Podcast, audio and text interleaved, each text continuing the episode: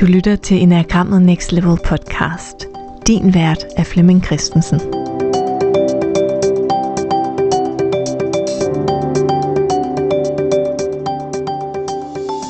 Velkommen til podcasten Enagrammet Next Level. Og velkommen til den her episode, der er en del af en miniserie. Det er en miniserie, som taler ind i det her med at arbejde med sin passion og bruge sin selvindsigt til at bruge sine kernekompetencer endnu mere optimalt. Og det her med at træne, at opdage, hvordan vi, vores kernekompetencer bliver forvrænget under pres. Og noget med feedback og læring. Så de fire første episoder i den her miniserie handler netop om det her med passionen og kernekompetencerne og feedback og læring. Og den her episode, som er den femte og sidste, handler om passioner. På samme måde som den første episode handlede om passioner. Men den her episode handler om at vide, om vi kan have forkerte passioner. Og det kan vi. Men hvordan ser det ud? Det kommer du til at høre mere om. Jeg skal også lige sige, at de her emner, jeg har taget op, bygger på nogle spørgsmål, som er dukket op under de workshops, jeg laver for ATU Øst og de unge gymnasieelever, der møder op der.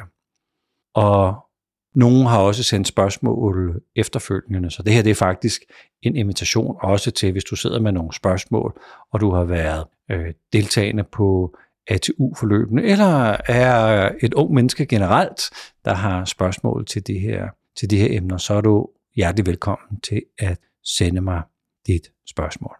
Så vil jeg svare på det, så godt jeg kan, og det kan være, at det bliver en episode i den her miniserie. Nu sagde jeg jo godt nok, at det her det var femte og sidste afsnit, men det kan jo være, der kommer et sjette afsnit, hvis jeg bliver modtager et spændende spørgsmål. Så kan man have en forkert passion? Ja, det kan man godt. En øh, forkert passion bygger på en idé om, at du bør gøre noget. Det kan være, at du føler, at du bør gøre noget for klimaet. Og du derfor tænker, nå, men så bliver jeg nødt til at vælge en uddannelse, som på en eller anden måde, på et eller andet tidspunkt, i en eller anden form, kan hjælpe på klimakrisen. Det kan også være, at det er, altså du har fået en idé om, at det vil være godt at gøre noget mm, på universitetet. Det kan også være, at du har fået en idé om, at det er godt at gøre noget med det gode hoved, at du øh, rigtig længe har fået at vide, at du har et godt hoved. Du skal bruge det gode hoved til noget. Du skal have dig en uddannelse. Det er godt at få dig en uddannelse. Så det her med at, at lytte ind af og opdage, om det virkelig har noget med dig at gøre, det kan selvfølgelig føre til, at det du har kastet dig ud i, din passion, faktisk ikke er en passion. Måske er det et projekt.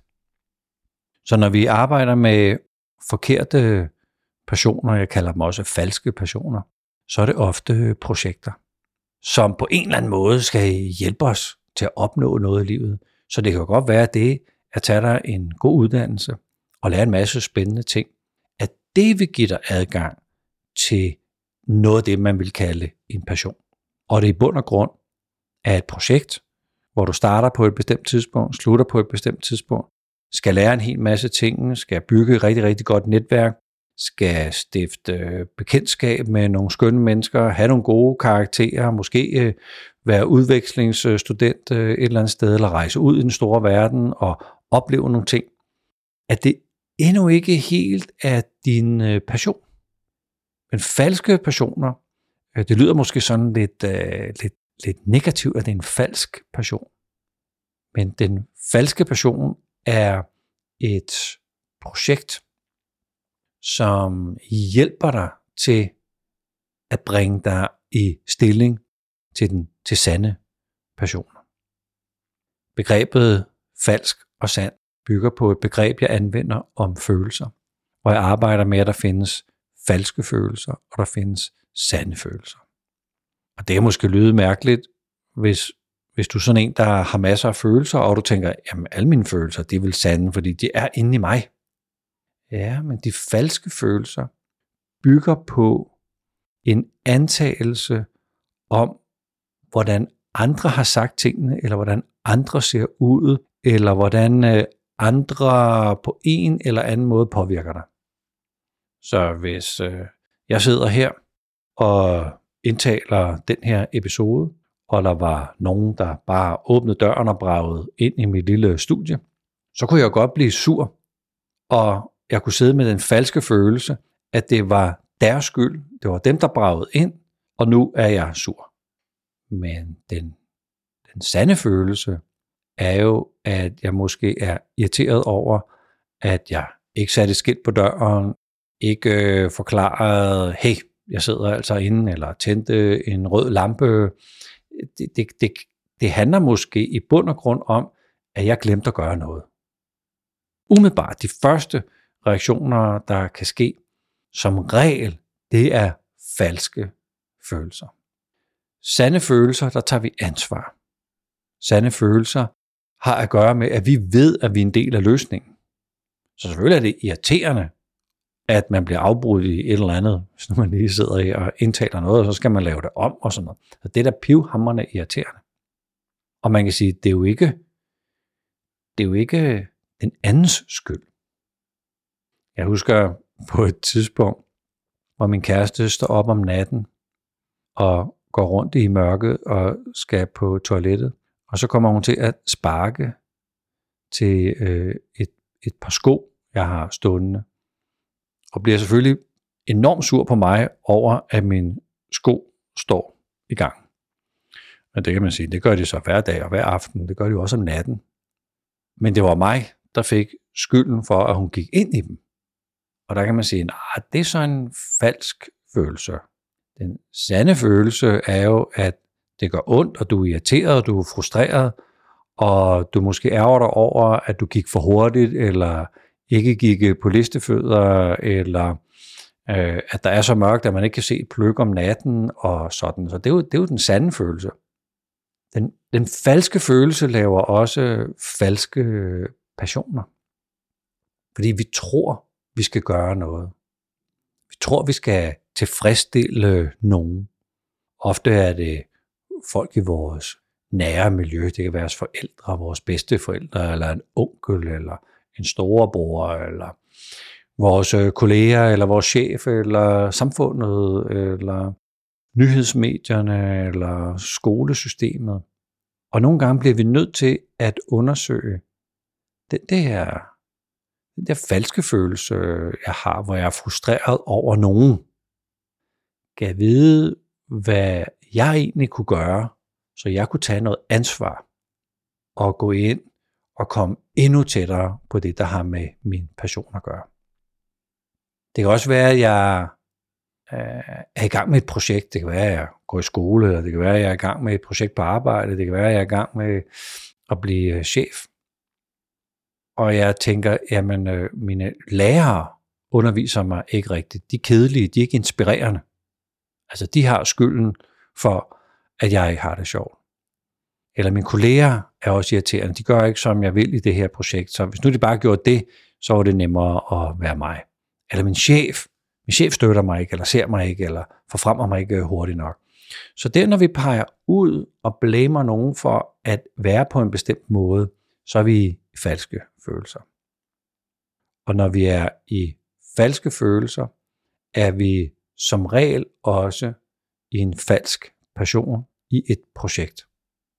Og når vi er i et øh, projekt og begynder at pege ud mod andre i ved hjælp af vores falske følelser, så kan det være rigtig, rigtig nyttigt at fange den sande følelse.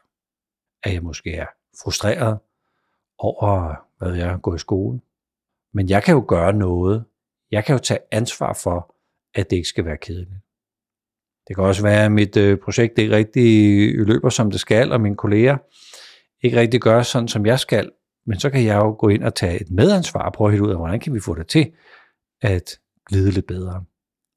Eller hvis min øh, chef ikke får frem mig hurtigt nok, så kan jeg gå ind og tage et ansvar og sige, hey, hvad skal jeg gøre? er jeg overhovedet i position til at blive udnævnt til leder? Lad, lad os få en dialog. Når vi, når vi opdager den falske følelse og går over i den sande følelse, når vi opdager, at det vi render rundt og laver er et projekt, så begynder der at opstå nogle nye muligheder.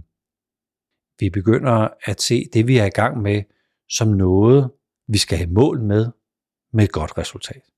Og at vi kan bruge vores sande følelser til at tage ansvar for, at vi kan rykke på et eller andet. At vi kan selv gøre noget. Vi kan få tingene til at glide, eller være mere interessante, eller sjove, eller øh, mere realistiske. Og når vi begynder at få styr på vores projekter, hvis man kan sige det sådan, og vi er i balance med vores sande følelser, og vi er i god relation med andre, og feedbacken kan opstå, og vi har brugt vores selvindsigt til at forstå vores kernekompetencer og håndtere vores pres. Det er der passionerne begynder at opstå. Men vi kan simpelthen ikke høre det, der bliver, det, der bliver tilbudt os, når vi er optaget af falske passioner eller projekter eller pres eller blame af andre mennesker. Vi skal, vi skal rette tingene lidt ud og komme mere på banen selv, for at gøre plads til, at passionerne kan opstå. Så det her, det var forløbig afslutningen med den femte episode på den her lille mikroserie, som bygger på spørgsmål fra unge mennesker i gymnasiealderen. Og du er hjertelig, hjertelig velkommen til at sende øh, flere spørgsmål, øh, stille øh, uddybende spørgsmål, kommentere på det, du har hørt i de her fem episoder. Og tusind tak, fordi du lyttede.